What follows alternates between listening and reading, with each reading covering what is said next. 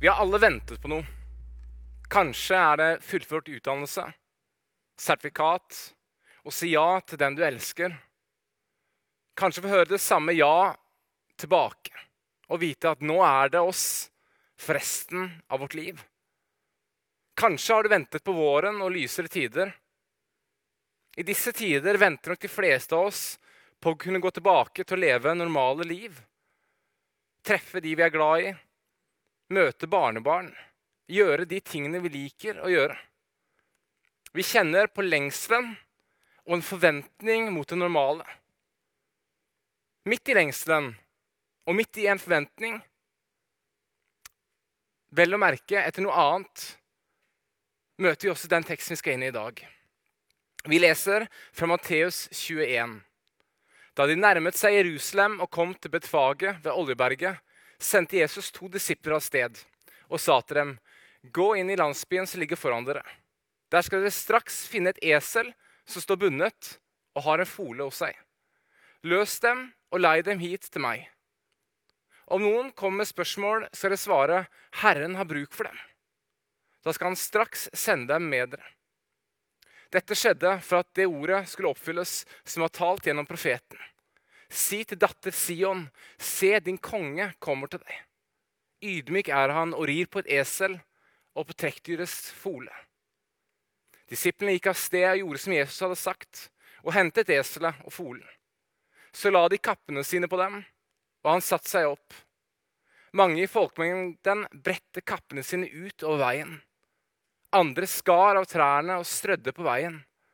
Og mengdene som gikk foran, og de som fulgte etter, ropte Hosianna, Davids sønn.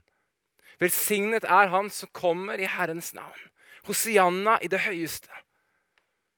Da han dro inn i Jerusalem, ble det uro i hele byen, og de spurte, 'Hvem er dette?' Og mengden svarte, 'Det er profeten Jesus fra Nasaret i Galilea.' Når Jesus nå rir inn i Jerusalem, så gjør han det for å oppfylle det som måtte skje. Det som profetene hadde profetert. Det som igjen kunne gi oss full tilgang til Guds herlighet. Så det er en essensiell bit i det oppdraget han måtte fullføre for å nå oss. Og Bare se for dere dette her. Her kommer da Jesus med gjengen sin, disiplene opp fra Eriko. Det er masse mennesker langs gatene ettersom den jødiske påsken er i gjære.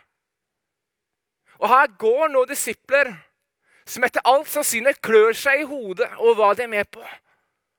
For bare litt tidligere på veien hadde Jesus fortalt dem i Matteus 2017 tre ganger at nå vil han gå til Jerusalem, og menneskesønnen skulle overgis til oversteprestene og de skriftlærde. og de skulle dømme han til døden. Henge han på et kors og pine ham, og den tredje dagen skulle han reises opp. Det er en god del informasjon å ta inn over seg som en disippel. Og Jeg vet ikke hva disiplene tenkte, men de kan i alle fall ikke ha tenkt at dette var en dagligdags spasertur. Det må ha vært et godt stykke utenfor boksen og hva som var mulig for de å forstå. Men det gikk noe her på utkikk etter et esel. Blant alle de menneskene som nå var i Jerusalem, så var det helt sikkert mye i deres liv også som de ventet på. Og Jerusalem var pakket med folk. Men det var ikke nødvendigvis Jesus de ventet på. Vi vet vel å merke at det var en forventning etter en Messias. Men igjen ikke nødvendigvis etter den Messias-skikkelsen de så i Jesus. Men når Jesus nå kom ridende på dette eselet, begynte de likevel å veive med palmegrenene og legge ned både kapper og greiner på bakken og ropte Hosianna! Gud, redd oss! Gud, frels oss! Det var som et ekko fra feiringen på den syvende dagen under jødenes løvehyttefest hvor de sang sammen Salme 118. Og når de kom til vers 25, begynte folket kollektivt å vifte med grenene og ropte Hosianna. Eller Herre frels, Herre frels. Så hvorfor la de da ned palmegrenene? Hvorfor ropte de Hosianna? Hvis de ikke visste at de ventet på han som nå kom ridende. Det foregår en mye større scene her som menneskene forsto. Det er begynnelsen av påsken. Og denne måten å ankomme på sa uten ord, 'Jeg er Messias'. Den dere har ventet på. Jeg er kongen. Det var likevel veldig mange der som ikke hadde ventet på en slik konge. En ydmyk konge, en tjenende konge, etter hvert en lidende konge. De ventet på en helt annen konge. Fariseerne forsto trolig også hva som var i ære. Var det noe de visste noe om, så var det hva som sto i Skriftene og profetene. De kjente nok veldig godt til Zakarias sin profeti fra 500-600 år før Kristus. Om en kommende fredskonge som kom ridende på et esel. Men de var ikke blant de mengden som brettet ut sine kapper for den kongen som nå kom ridende inn. Fordi de var verken denne kongen de ønsket seg eller ventet. De ventet seg en sterk, kraftig krigerkonge. Og en ydmyk mann på toppen av en eselfore levde ikke opp til det bildet. Dietrich Bonhoeffer, kristen teolog som ble drept for sin tro i slutten av den andre verdenskrig, sa det slik om han som i dag grir inn Jerusalem. A king that dies on the cross must be a king of a rather strange kingdom.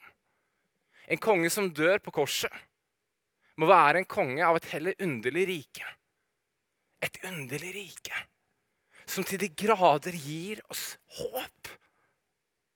Folkeskarene som hev ned sine kapper, veivet med greinene, gjorde det i forventning til håp. Mennesker responderer alltid på håp. I dag rir håp inn i Jerusalem. I dag rir håp inn i ditt liv. Håp.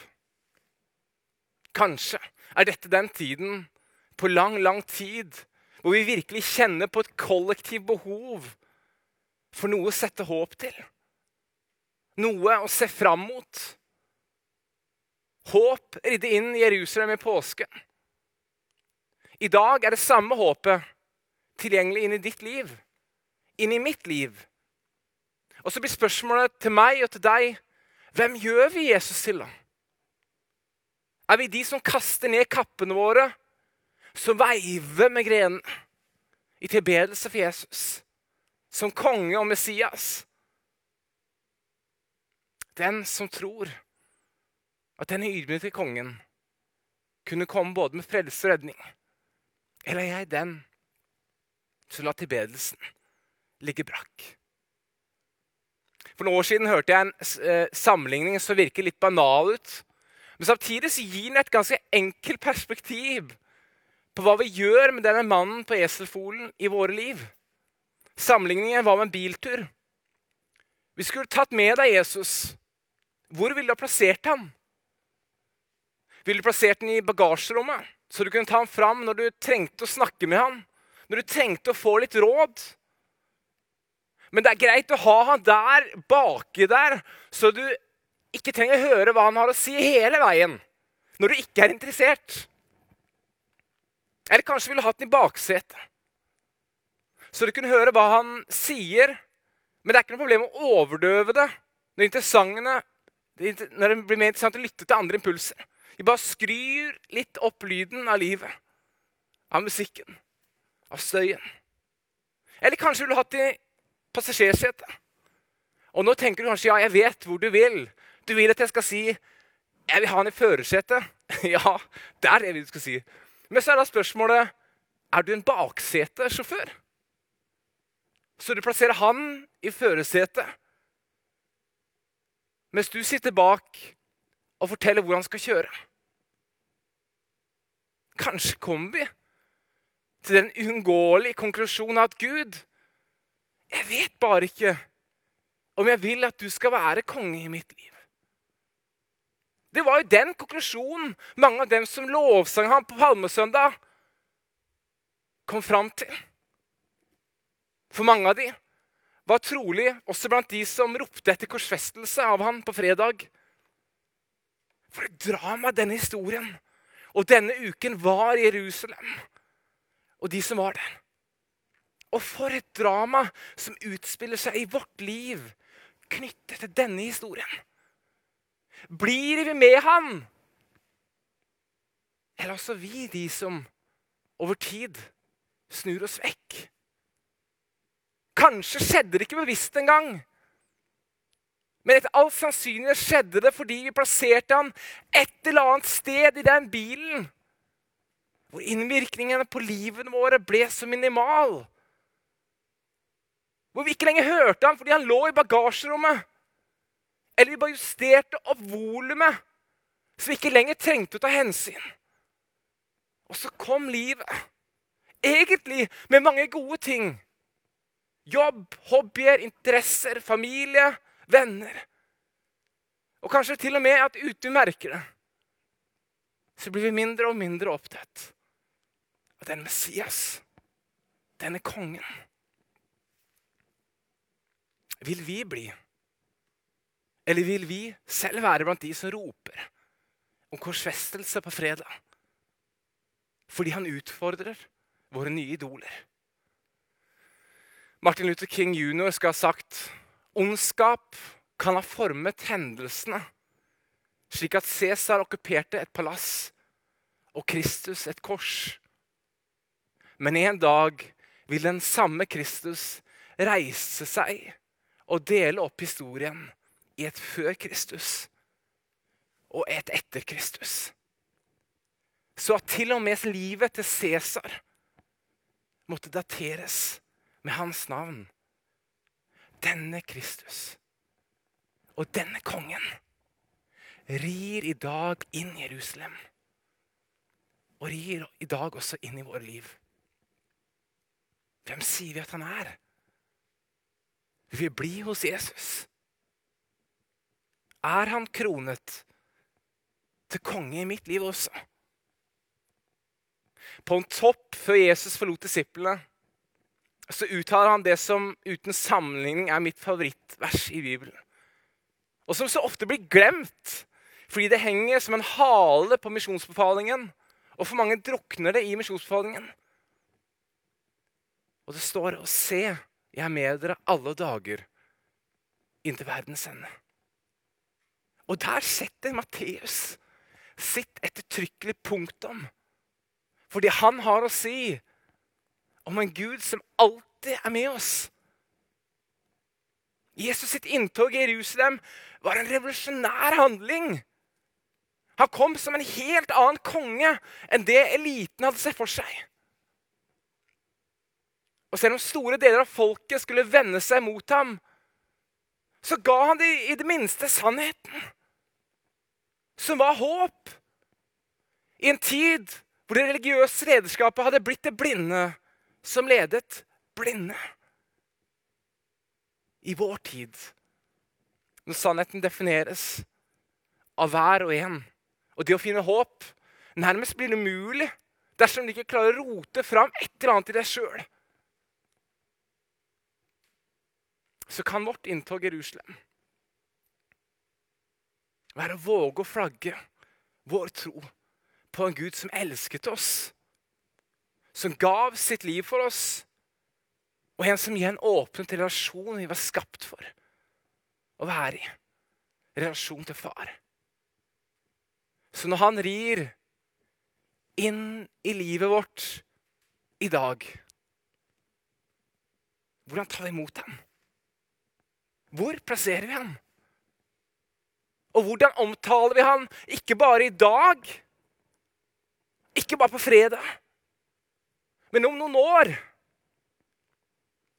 Og i resten av vårt liv.